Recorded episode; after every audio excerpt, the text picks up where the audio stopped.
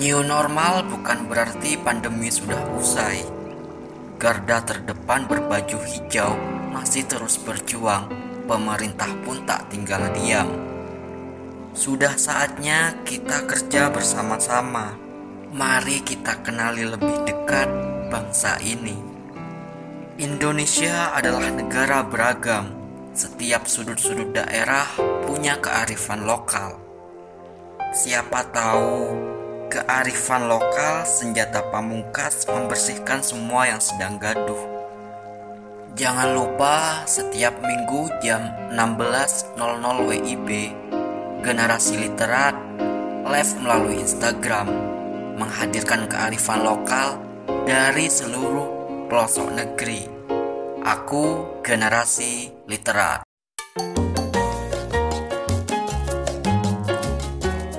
Selamat datang di Galeri Bercerita. Untuk kamu yang baru bergabung, salam kenal dan selamat datang. Perkenalkan, nama aku Syahrul akan menemani kawan-kawan di sini sampai akhir nanti. Ngobrolin usia 20 pasti akan bertemu dengan berbagai macam problem yang memaksa kita bukan hanya untuk melakukan tetapi juga bertanggung jawab. Mulai dari asmara yang kocar kacir, kemampuan yang belum ditemukan, sampai tuntutan orang tua yang menuntut kita segera bertindak. Nah, hari ini galeri bercerita kedatangan seorang tamu, podcaster juga, perempuan pastinya. Dia membawakan pengalaman hidupnya untuk ditayangkan dalam podcast. Seperti apa kisahnya? Yuk, kita kenalan langsung. Mbak yang ada di ujung sana, boleh keluarin suaranya dong? Boleh. Oke, nah ini kan ada ungkapan tuh nggak kenal maka nggak sayang gitu kan ya kak? Ya, Betul banget kan ya? Benar. Oke, boleh kenalin dulu deh namanya siapa, terus punya podcast apa, dan sekarang sibuk apa? Um, nama saya Nimas, sering dipanggil Nimas, dan aku okay. punya podcast yang namanya Kalkes. Okay. Dan kesibukan aku selain bekerja, aku juga ada bisnis kecilan. Oh gitu. Ternyata dia punya ya, bisnis uh -uh. nih. Jadi ada bisnis sampingan. Ya mm. itu sih kesibukan aku. Terus juga kalau ada waktu senggang ngepodcast. Oh ngepodcast juga. Ya. oke nih ngobrolin soal podcastnya nih ya. Iya. Sebenarnya podcastnya itu ngebahas soal apa aja sih? Nih biar teman-temanku pada tahu semua gitu.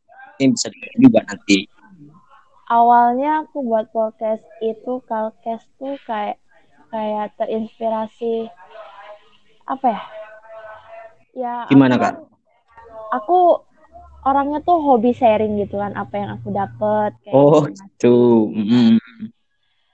Uh, biar aku sampaikan apa semua opini gitu kan.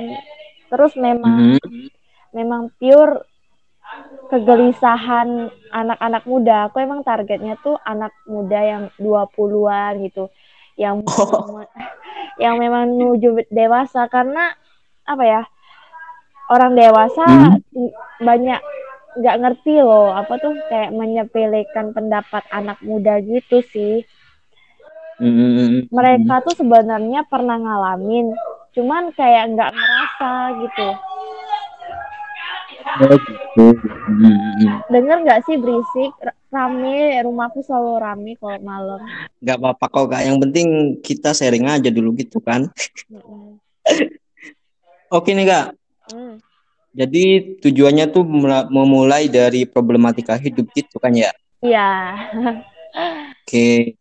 Terus kalau jam tayang dari apa podcastnya itu kapan aja nih kak kalau jam tayang tuh aku tidak terlalu mem mematokkan hari apa, oh, gitu. apa. Hmm. Karena kan uh, ini kan cuma waktu uang aku waktu waktu Oh, gitu. Jadi kalau hmm. ada waktu uang aku bakal upload langsung. Biasanya sih pagi aku upload langsung gitu. Oh gitu. Hmm. Terus kalau dari tujuan dari buat podcast ini apa cuma agar punya teman, punya relasi atau ada harapan lain gitu misalnya ketemu jodoh gitu barangkali sih.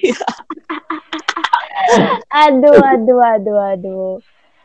Tujuannya sih gimana ya?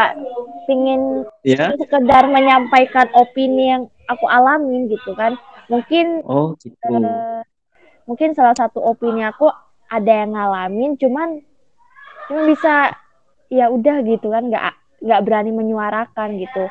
Mungkin aku mm. bisa mewakilkan apa yang dirasakan teman-teman aku yang seusia aku gitu. Oh gitu. Mm. kalau boleh tahu nih Kolkes ini bisa untuk kolaborasi dengan teman-teman lain atau mungkin ada teman-temanku yang mau collab itu bisa juga berarti ya? Boleh boleh. Boleh banget dong boleh boleh banget. Soalnya pembahasan aku juga kan nggak terlalu berat. Nggak terlalu berat. Oh gitu. kan ada kan podcast orang lain yang terlalu ke politik ke mana gitu kan. Otakku belum nyampe kalau oh, soal itu. Oke. Okay. yang receh-receh masih bisa. Oke okay, baiklah. Oke okay, oke. Okay. selanjutnya nih kak. Mm -hmm. aku boleh manggil siapa dulu nih kak? Manggil siapa tadi? Nimas Oke, kakak Nimas gitu ya? Iya, Ninya jangan pakai spasi ya. Oh, jadi langsung Nimas gitu? Ah, kalau pakai spasi jadi lain, jadi lain maknanya. Oh iya, kan nanti nanti jadinya kan Nimas, Nimas kan kayak gimana gitu ya? Kayak ngasih ngasih barang gak sih? Kayak ngasih sesuatu. Iya. Nih mas, ah. nih mas barangnya. Iya. Gitu. jadi jangan dipas, jangan spasi ya. Boleh banget tuh. Oke. Okay. Oke. Okay. Mm -mm. Selanjutnya nih Kak Nimas. kan jadi ketawa gara-gara ditunjukin sih leluconnya. Aku panggil Kak Ade ya. Iya iya iya. Oke, selanjutnya nih Kak. Kan kemarin di apa di podcastnya itu kan ngobrolin soal pilihan yang pernah salah gitu kan. Uh -uh. Nah, kalau boleh tahu dari ini kan dari pengalaman hmm. kakak betul gitu kan ya? Iya. Hmm. Nah, itu kenapa kok bisa jadi pilihan yang salah gitu? Apa ada sesuatu yang salah di sebelum-sebelum memilih itu? Um, aku pernah memilih sesuatu yang salah, mm -hmm. terus menyesal ada, terus? tapi menyesal tuh pasti ada kan karena itu pilihan salah. Yeah. Tapi karena yeah. itu pilihan aku jadi penyesalan tuh tanggung jawab pribadi aku kan. Jadi yeah, aku gitu. berusaha untuk ya udah legowo ikhlasin. Toh ini pilihan aku ya walaupun konsekuensinya buruk buat hidup aku. Ya udah semoga yeah. semoga ini jadi pembelajaran biar aku lebih pinter lagi milih memilih gitu. Mm -mm, Terus hmm. kalau ininya apa? Kenapa pilihan itu bisa salah gitu kak? Kan pasti ada apa ya ada sesuatu yang terjadi di sebelumnya. Apakah mungkin karena tidak memiliki pengetahuan dari aspek-aspek apa resikonya kayak gitu mungkin kayak gitu sih. Kalau cewek sih cenderung melibatkan perasaan ya. Oh iya gitu sih. Emang gitu ya? Ya iya iya. Gimana tuh? ya gitu deh kita melibatkan perasaan terus ternyata perasaan itu sebenarnya sih tulus gitu bener. Cuman mm. kita salah mempercayain orang gitu aja sih. Oh gitu. Ya, gimana ya terlalu gimana gitu kan sama sesuatu gitu. Ternyata sesuatu nggak sesuatu itunya nggak baik gitu kan. Mm. oke. Okay. selanjutnya nih kak. Dalam pilihan itu apa ketika memilih itu apa enggak ada teguran dari orang sekitar gitu atau mungkin ada kayak mungkin dari teman lah mungkin gitu ngasih hmm. masukan gitu atau memang sudah enggak ada kayak gitu sebenarnya hmm, cuma ini ya apa seni bersikap bodoh amat tuh dipakai ya uh, kalau melibatkan perasaan omongan orang tuh cuma hanya angin lewat Oh gitu. Uh -uh. Ya karena perasa perasaan itu membutakan, menulikan, membisukan. Mm -hmm. Ya enggak? Iya sih betul banget. Nah ngomongin soal perasaan tuh ya kak. Ini ngobrolin perasaan ya. Iya aku kayak set girl nian ya. Iyalah. betul banget. Terus terus ngobrolin soal perasaan ya. Hmm. Kan perasaan tadi tuh kan kayak langsung membutakan gitu. Nah, sedangkan manusia itu memiliki otak untuk berpikir gitu. Nah, gimana ketika dalam fase-fase bahwa ini memang pure dari dari perasaan gitu bisa apa ya? Ada kayak kriterianya lah mungkin gitu. Mungkin kakak punya kriterianya kalau ini bahwa pure perasaan. Jadi harus melibatin otak gitu. Apa ada tanda-tandanya gitu? Menurut aku sih apa ya cewek tuh memang otaknya tuh nggak berfungsi. Oh gitu. Terus berfungsi itu pas kapan coba? Nggak tahu aku. Mungkin ketika uh, otaknya udah berfungsi, perasaannya tuh udah mati. Oh gitu. udah dikecewain, nah tuh otaknya udah berfungsi. Nah kalau memang udah kayak mungkin ini bukan aku yang mengklaim sendiri ya, tapi memang yeah. kenyataannya dari sudut pandang kakak ini kan seperti itu. Mm -mm. Kalau apa perempuan itu memang lebih banyak melibatkan perasaan gitu dan ketika pilihan yang salah itu karena problematikanya perasaan. Ya, Terus contoh...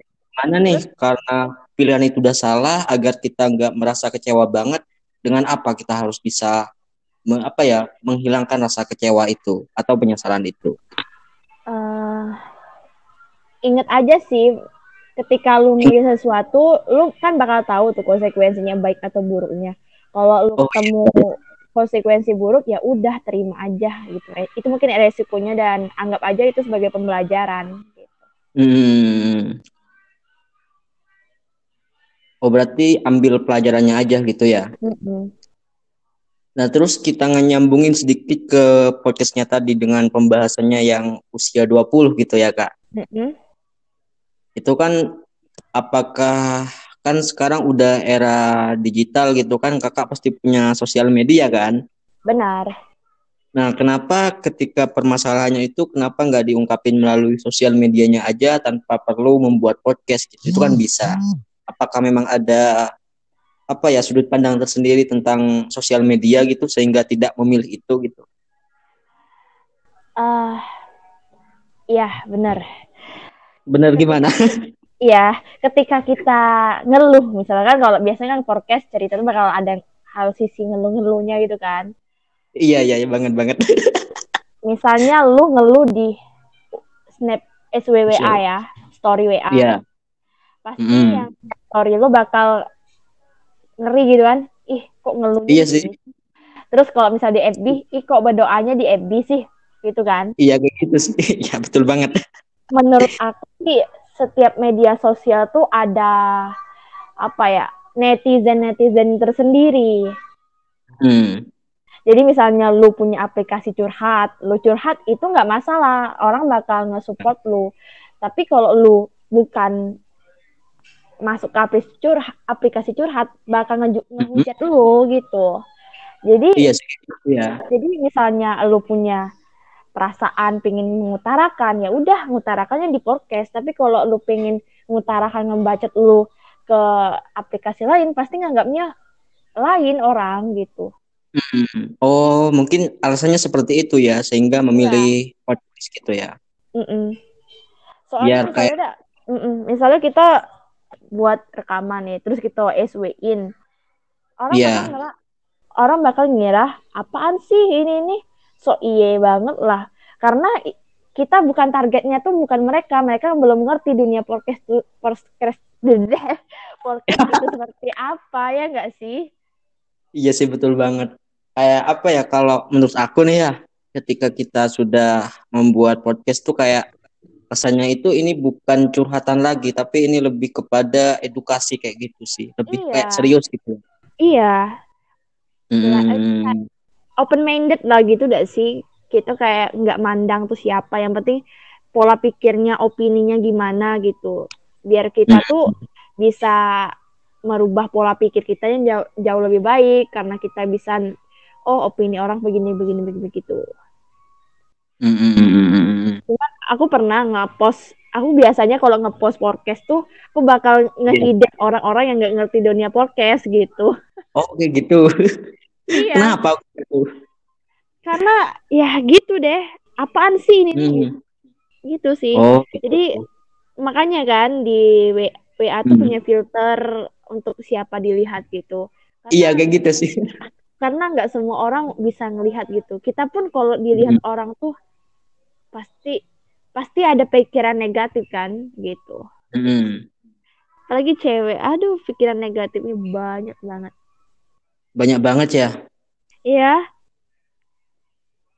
Oke okay, ini yang seharusnya yang nggak dipikirin jadi dipikirin. Ikut dipikiran gitu karena memang melibatkan perasaan itu tadi ya. Iya iya. Selanjutnya ini kan kayak tadi kan apa memilih podcast karena memang di ruangannya itu memang kayak lebih profesional gitu kan ya.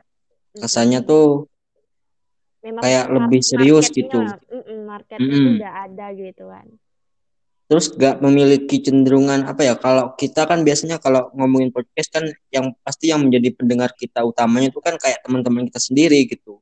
Kakak nggak memiliki keberatan masalah hal itu gitu ketika lagi nge-share tapi ada beberapa orang yang di hit gitu apa gak pernah kepikiran ke itu gitu enggak sih ya aku yang penting ya gimana ya aku gimana enggak masalah listening listener aku berapa. Yang penting upload aja. Mungkin mungkin setahun ini emang nggak ada hasil.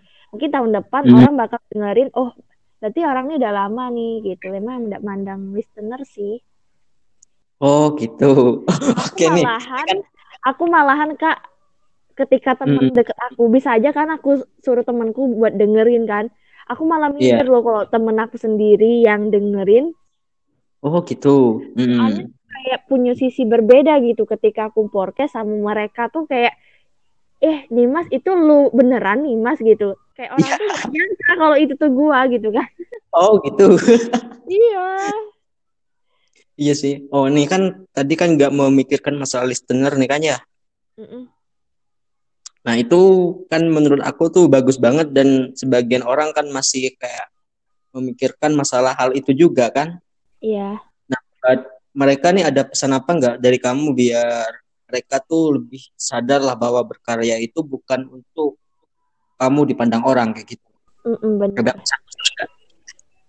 Intinya sih kalau berkarya ya udah ketika lu ngelakuinnya itu seneng, ya udah lakuin aja walaupun nggak hmm. ada hasilnya setidaknya kita ada apa ya oh ini loh ya untuk gimana ya untuk untuk apa ya kenangan kita oh aku pernah ngomongin ini sebagai pembelajaran diri juga karena ketika gini ya menurut aku sih kalau kita udah Gimana? ngomong berarti kan kalau udah kita sampaikan ke orang berarti otomatis kita harus jaga kan apa yang kita sampaikan gitu kan misalnya kita jangan e, nyuruh orang jangan buang sampah sembarangan kita udah ngomong jadi kita harus iya. jaga yeah. loh diri kita supaya nggak buang sampah juga gitu oh kayak gitu hmm. Selain kita sharing sebagai pengingat diri juga oh gitu biar teman-teman yang mau berkarya itu gak lebih kepada kayak gitu ya uh -uh. oke okay. nah tadi kan podcastnya itu kan lebih bertujuan kepada apa ya masalah hidup gitu nah yeah. apakah isinya itu dari problematika hidup atau ada hmm. referensi dari tempat-tempat lain kayak gitu? Uh, 100% itu tentang 100%. 80% 100% ya. Memang intinya tuh emang apa yang aku apa yang dialami sebenarnya tuh emang pure pengalaman pribadi aku sih. Oh gitu. Iya. Jadi pengalaman gitu ya. Iya, aku ceritain. Aku emang hobi sih, misalnya aku dapat pengalaman ini, aku bakal ceritain. Karena nggak ada yang dengerin, mendingan aku ngomong dewek kan di forecast. iya, gitu sih ya. Uh, Betul banget tuh.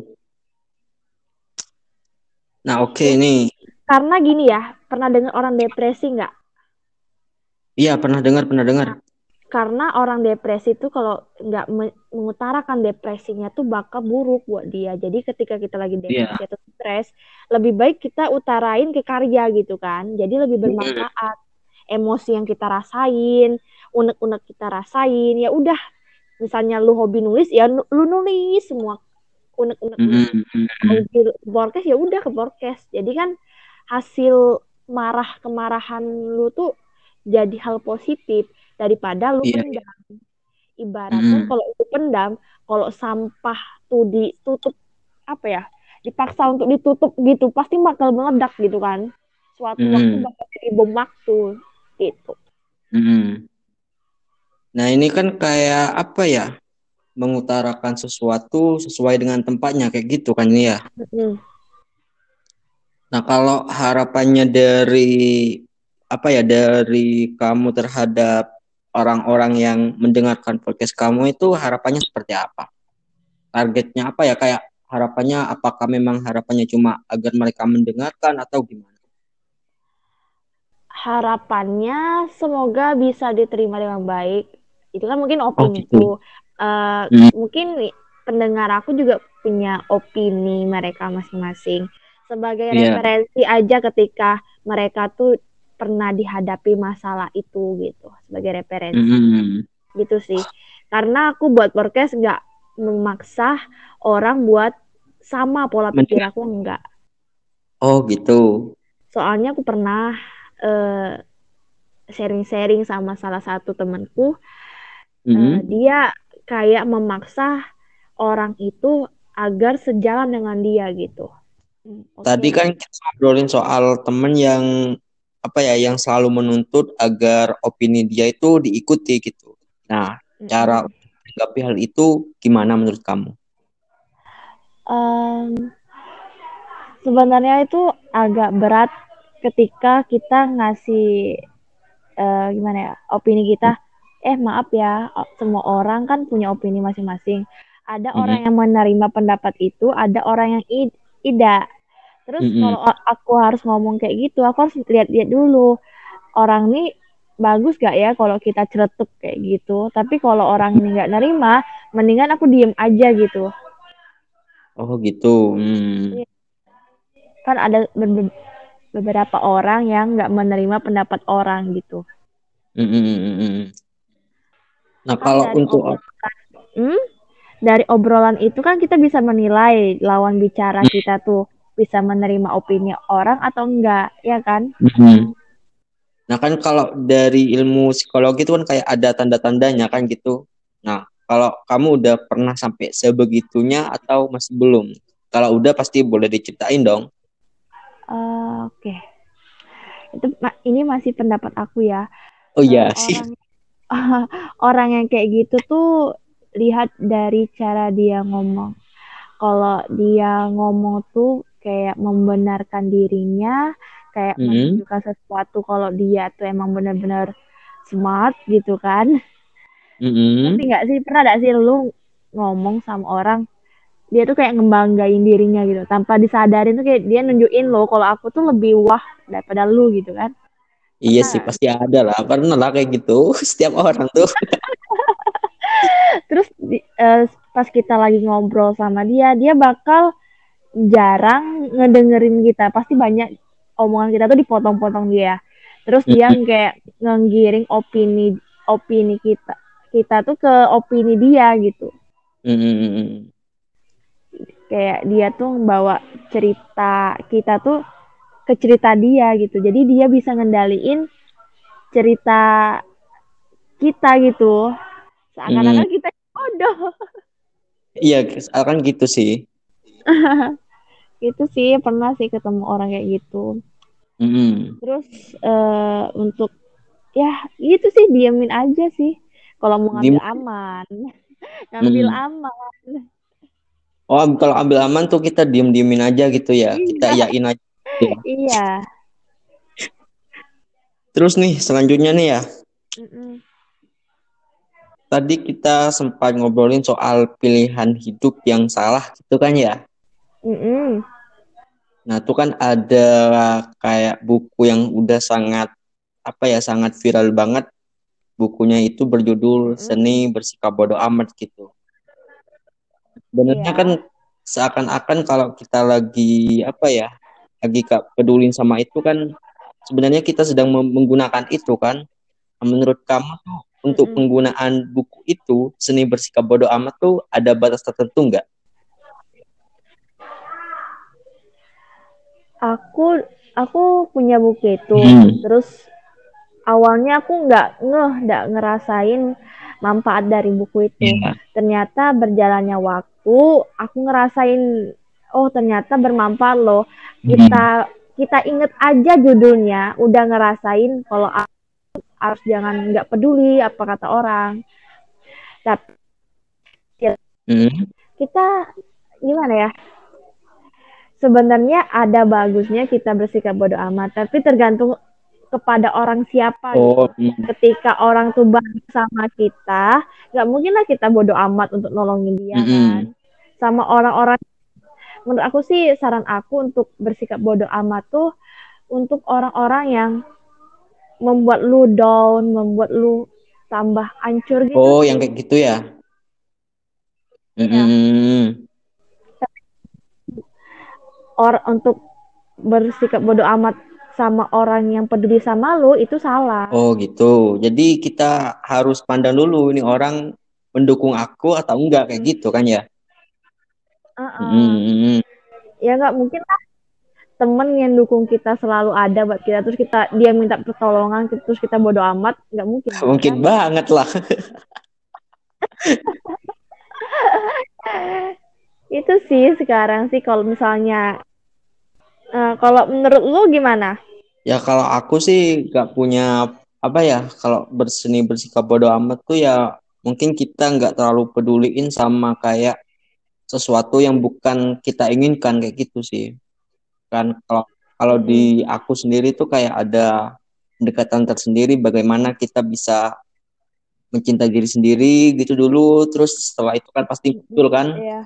apa yang ingin dicapai kayak gitu mm -hmm. nah untuk sesuatu yang kita inginkan gitu ya kita lupain aja anggap aja nggak ada gitu uh -uh. nih selanjutnya nih ya lanjut ya Oke. Okay. Nah, tadi ini kan kamu menggunakan podcast ini sebagai media untuk apa ya? Berangkat dari pengalaman tersendiri gitu kan ya.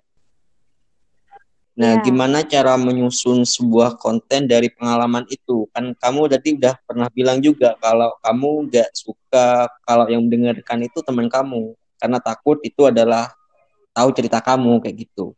Bagaimana sih cara menyusun? Iya, iya, iya gimana ya? Hmm, gimana? Oh, kalau ketika teman aku tahu kalau aku punya podcast gitu kan tentang memang benar-benar masalah aku tentang memang benar-benar real life iya. aku, yeah. aku pasti jadi bahan gibah mereka. Iyalah itu kan. kan iyalah. Jadi apa yang aku sampaikan itu udah jadi hikmah iya. gitu kepada mereka malah jadi bahan gibah. Iya sih kayak gitu kalau aku temen. Nah kalau cara tertutup itu apa kamu pulas atau gimana atau kamu memang apa ya memang sengaja untuk disembunyi ke teman-teman kamu gitu? Um, cuman hanya beberapa temen aja yang tahu karena temen itu memang benar-benar support aku tapi kalau teman yang ngejudge hmm. aku bakal aku hidden mereka Iya karena itu tuh salah satu menghambat kita untuk berkarya lagi loh. Iya sih, banget banget tuh. Iya, apaan sih ini ya? Tapi kalau ketika cuman punya teman cuma satu aja nge-super kita walaupun isi konten kita abdradul gitu hmm. kan, nggak jelas lari ke mana tuh seakan-akan sebagai sistem power gitu loh. Iya, kayak jadi power untuk kita tetap berkarya gitu kan. Mm -mm. Nah ini kan mungkin barangkali nanti ada teman kamu yang dengerin podcastku ini mungkin sih ya kan siapa tahu juga pasti kamu ada pesan lah iya, buat iya, mereka iya. yang kayak nggak mendukung gitu boleh deh kamu ucapin di sini gitu salam buat teman-temannya iya. kamu gitu mereka menurut aku sih mereka tuh mendukung cuman gengsi untuk mengungkapkan sesuatu gitu. oh gitu Cuma caranya aja yang ya. agak sedikit ini ya, apa? Zaman sekarang nih dukungan tuh kayak dianggap ejekan. Ejekan tuh memang benar-benar dukungan hmm. Mak, susah sih jelasinnya ngerti gak sih antara kedua hal itu gitu ya iya kayak bilang suka tuh susah banget gitu nah hmm. padahal bagus nih konten ih alay iya gitu. sebenarnya itu kan kayak rasa iri mungkin saya menurut aku gitu iya. Iya kenapa nggak lakuin gitu kan? Hmm. kenapa kalau emang ya gitu deh. Terus aku ada pertanyaan nih buat oh boleh boleh banget. Gimana tuh? Hmm. kenapa seorang cowok tuh kalau menangis itu kayak dianggap dianggap gimana gitu? Oh di cowok nggak boleh nangis. Pernah nggak sih kalau cowok tuh nggak boleh nangis? Iya sih. Cowok tuh harus kuat. Pernah banget sih. Padahal sebenarnya kan cowok tuh kan manusia yang punya rasa sakit juga hmm. yang punya rasa kesedihan juga. Kenapa dicap dicap orang tuh nggak boleh? Memang cowok tuh memang benar-benar kuat hmm. gitu. Harus benar-benar kenapa tuh? Menurut, menurut dengan opini orang gitu? Ini menurut aku ini ya kayak mungkin tuh kayak udah jadi apa ya jadi budaya yang kayak udah kalau cowok nangis tuh kayak jadi malu gitu. Kayak gitu sih mungkin udah hmm. apa ya suatu pandangan yang buruk yang kayak gitu itu tetap berjalan kayak gitu. Sehingga banyak orang yang ngerasa kayak gitu. Berangkat dari pengalaman juga ini ya. Kalau cowok ini dari versiku ya itu kalau misalnya yeah. nih lagi putus gitu ya itu satu dua hari tuh pasti bilang ya aku santai aja gitu aku bahagia gitu masih punya temen kayak gitu. Tapi dalam jangka waktu satu bulan terus selanjutnya ke bulan kedua ketiga gitu tuh masa-masa yang sangat menyedihkan lah menurut aku ya. Itu kenapa bisa begitu loh? Aku selalu pertanyakan itu selalu dipertanyakan di otakku. Kalau cewek habis putus hari itu beuh, sedih banget ya. bukan main sedihnya. Wih. ya mungkin itu sih perbedaan antara cowok sama cewek gitu. Tapi iya kenapa bisa kenapa bisa kenapa cowok tuh bisa merasa kehilangan kehilangan tuh telat gitu loh? Ya mungkin karena dia masih ini ya apa kan cowok kan diimbangi sama otaknya untuk selalu berpikir gitu. Jadi kayak uh-uh. masih di apa ya ketika terputus gitu masih ada kayak rasa apa ya otaknya tuh masih berfungsi gitu buat normal. Bodo amat lah mm-hmm. lah kayak gitu lah. Ada yang remehin ah cewek itu mah masih ada. Yang iya banget tuh. Tapi setelah satu bulan dua bulan itu baru kerasa tuh. Sampai berapa bulan? Ah. Bahkan sampai iya tahan ya. dari saking alainya tuh aku sampai aku kan suka buat puisi juga gitu kan. Ya. Iya iya iya. Bagus tuh. Bagus ya bagus sih menurut menurut orang-orang. Tapi aku ngerasa apa ya itu kan kayak aku ngungkapin rasa sedih itu tuh dalam puisi kan akhirnya tuh hmm. aku sampai ngerasa benci sendiri sama puisi karena ketika ingin aku terbitin tuh malah isinya kayak ah, kontennya kok kayak gini gitu kok gak ada sosialnya sekali mm -hmm. gitu di situlah aku langsung gitu. -hmm. tapi sekarang alhamdulillah lah setelah sembuh dan berkarya sekarang udah yakin sembuh aku tanya yakin sembuh nggak tahu ya apakah hatimu benar-benar pulih Ya kalau kayak gitu mungkin sih setengah-setengah lah. Antara pulih sama enggak sih. Tapi kadang kalau udah sedikit punya kesibukan tuh pasti lupa lah kayak gitu. Gak terlalu kepikiran gitu. Iya. Iya, iya, iya, iya, iya. Lucu sih. Kenapa sih? Ah, ketika cewek udah benar-benar move on, hmm di situ lah cowok udah mulai gimana ya ngemis-ngemis ayolah balik lagi aduh nggak paham Mm-mm, kadang-kadang misalnya aku juga pernah ya kan aku nangis tuh hari itu putus kan mm. terus di blog semuanya aku blog ya udahlah ya. jodoh terus berselang berapa bulan enam bulan kemudian dia nge inbox aku di FB karena semua akunnya aku blok oh, kan. Itu ya. Dia buat buat buat FB baru. Hai, apa kabar? Hmm. hello kemarin ke mana aja gitu kok sekarang baru ngomongin aduh aduh kadang-kadang aduh iya sih aku eh. temen cewek yang ngalamin kayak gitu juga persis kayak aduh rasanya aduh sebenarnya sih menurut aku nggak ada salahnya untuk ngasih kesempatan kedua. Mm. Tapi gimana ya? Gak mungkin lah kalau kita udah tahu endingnya bakal kayak gini lagi kan percuma gitu gak sih? Iya sih kayak apa udah udah kebaca gitu ya. Hmm. Mending nggak ngasih kesempatan gitu. Iya, ya kan uh, setiap orang kan punya prinsip masing-masing ya. Ketika lu udah ngelepas gua, jangan harap lu dapat lagi oh, gitu. Iya, iya, iya, iya. Ada sih yang, itu. Sadis sih, emang sadis. Tapi ya gimana ya? Balik lagi lah semua tak jodoh di tangan tuh. Oh, enak. Iya. Iya memang. Mungkin aku bisa ngomong mungkin aku bisa ngomong B sekarang, mungkin besok A. Mm -hmm. Itu. C, gede manusia memang tidak punya pendirian yang tetap. Pasti akan selalu berubah berubah sesuai dengan apa yang sedang didekati gitu kan. Mm -mm. Mm -mm. Terus lu pernah nggak sih, uh, misalnya lu ngomong ini tiba-tiba satu atau dua tahun ke depan bakal terjadi gitu? Oh kayak gitu ya, pernah sih. Bahkan yang hari-hari ini sih aku ngerasain. Mm -mm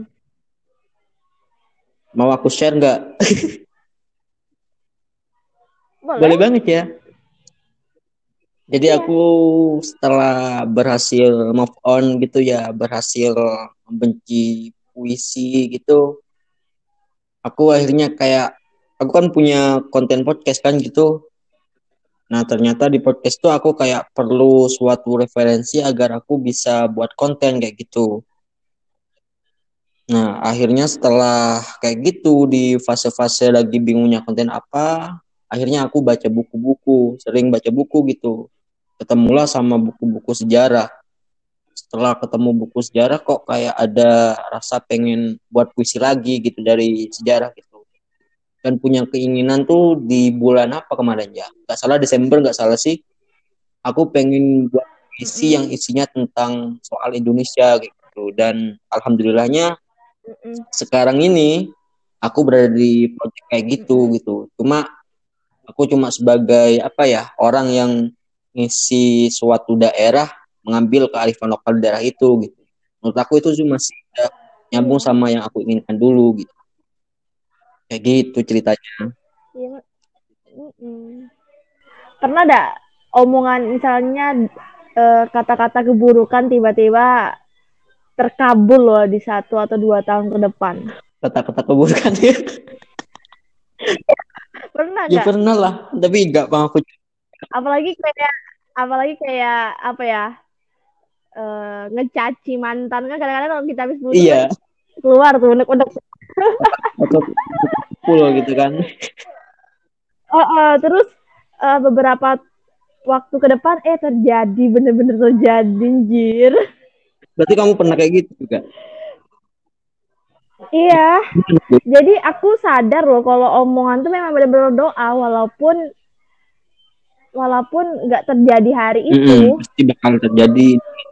Jadi jadi untuk saat ini aku memang harus jaga omongan. Mm. Pernah nggak sih ada nih aku cerita. Hmm. Ih, ih kok kamu gendut? satu tahun ke depan aku jadi gendut. Iya sih, ada yang kayak gitu. Malah banyak.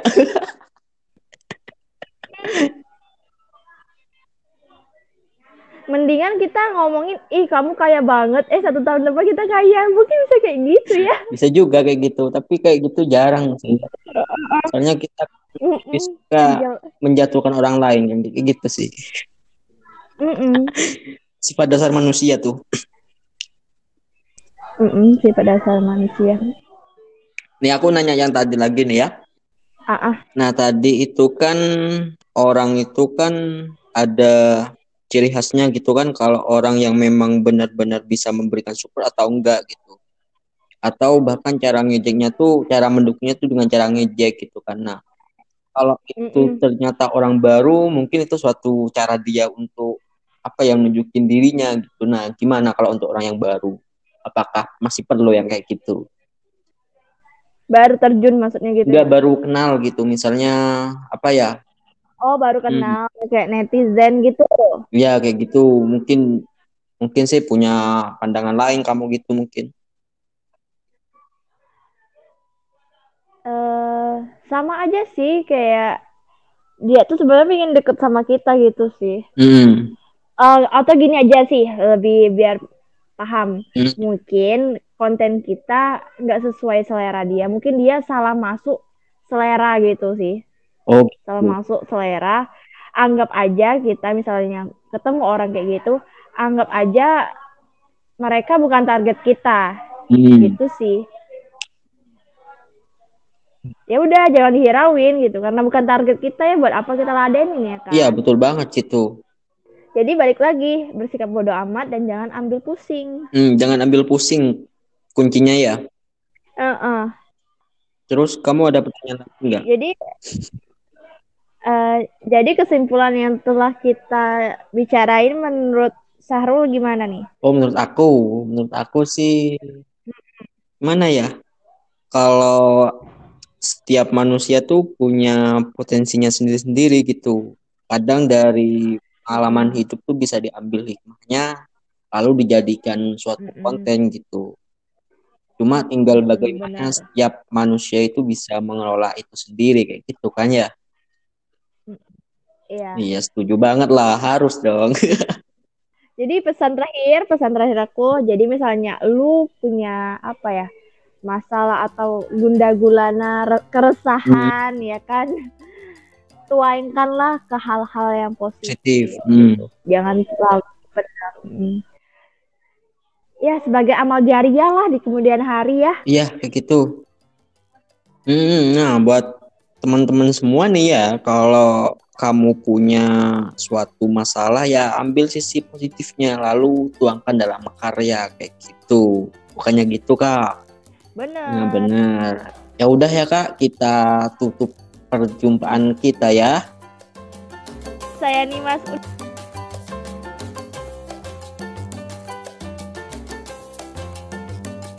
Terima kasih untuk kamu yang sudah mendengarkan. Jangan lupa Tujuh hari sejak hari ini, aku bakalan menemani kawan-kawan di sini lagi. Dan untuk kamu yang mau menjadi tamu galeri bercerita, silahkan DM di Instagram @galeri bercerita. Sampai jumpa episode berikutnya ya. Bye.